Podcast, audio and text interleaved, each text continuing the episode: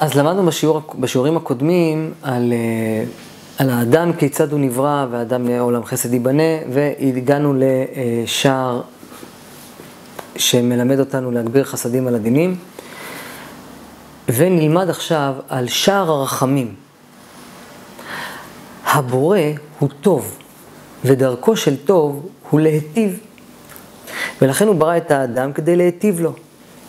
אבל אם האדם עושה את רצונו של הבורא, אם האדם עושה את רצונו של הבורא, דרך אגב, סליחה רגע, אני יודע שאמרתי שאנחנו נלמד בשיעור הזה חיה ויחידה, אנחנו עושים קצת, אני מלמד קצת שונה, אני חושב איך ללמד אתכם, כי זה קצת מורכב.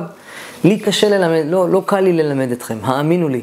אני באמת באמת עובד המון המון שעות כדי ללמד אתכם בצורה ברורה ופשוטה, שיהיה מאוד פשוט לכולם. אבל זה, אני עובד קשה בשביל זה, ולפעמים אני מוצא את עצמי ואומר, רגע, אני אלמד אותם קודם את זה ואחרי זה את זה, וכולי. אוקיי, אז אה,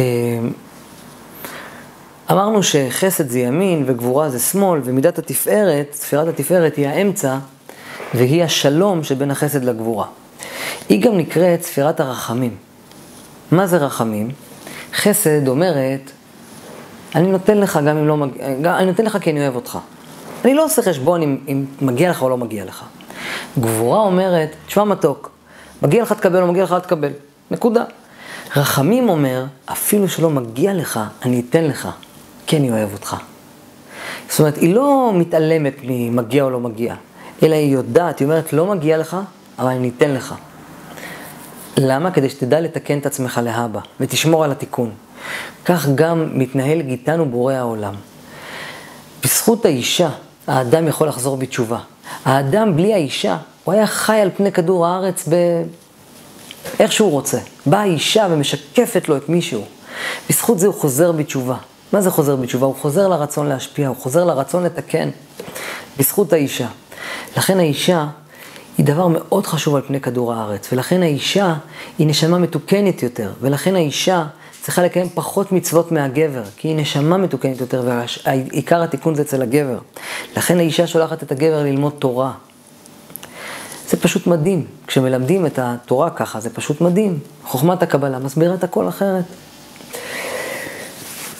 אנחנו כיהודים, היינו צריכים מזמן להפיץ את חוכמת הקבלה.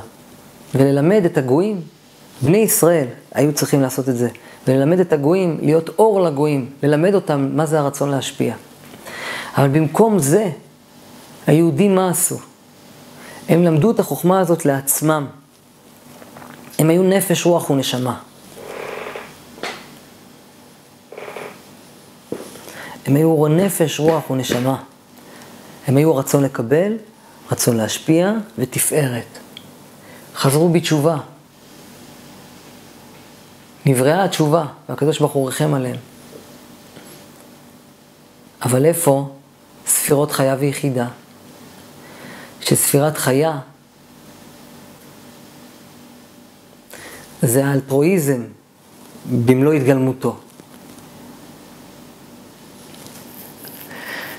חיה ויחידה הן אורות, הם אורות שנקראים אורות מקיפים. הם לא נמצאים בגוף האדם כמו נפש, רוח ונשמה שלמדנו קודם. הם נמצאים מעל גוף האדם, מסביב לו. הרוח, החיה נכנסת אל תוך הקודקוד של הגבר, איפה שמניחים תפילין. כשתינוק נולד, יש לו חלק פה שהוא רופס. אה, וגם פה יש חלק יותר, יותר רגיש מכל הגולגולת עצמה שהיא חזקה. פה זה יותר רך. בחלק הזה אנחנו מניחים תפילין. בחלק הזה נכנסת הנש... החיה לתוך גוף האדם, והיא יוצאת בתור, בתור שערות. אתם רואים כל השערות האלה? כל השערות האלה, זה ההתבט... זה... זאת היחידה שמביאה את עצמה לידי ביטוי על פני כדור הארץ. אבל היא יוצאת, היא נכנסת דרך פה והיא יוצאת, והיא מתבטאת, היא יוצאת דרך כמו שערות. אם האדם, הספירת, החיה, החלק הזה שנקרא חיה. יש נפש, רוח, נשמה, חיה ויחידה. זה נקרא ראשי תיבות נר, נר, נרן חי בשפה הקבלית. אם החיה הייתה נשארת בתוך גוף האדם, האדם היה מת. אה, סליחה, האדם היה חי לעולם, מלשון חי, חיות. האדם הראשון, כשהוא אכל מפרי עץ הדעת, כתוב שבאותו רגע הוא, הוא נהרג. הוא, אה, סליחה, לא נהרג, אלא נגזר, נגזרה עליו המיטה. למה? כי החיה והיחידה יצאו לו מהגוף. תכף אנחנו נסביר בשיעור הבא, הסברתי לכם את זה קצת בנקודתיות, אנחנו נמשיך תכף. כשנסביר את זה קצת יותר לעומק, אני רוצה שתעשו שכל ותבינו את זה ממש מסודר אחד לאחד.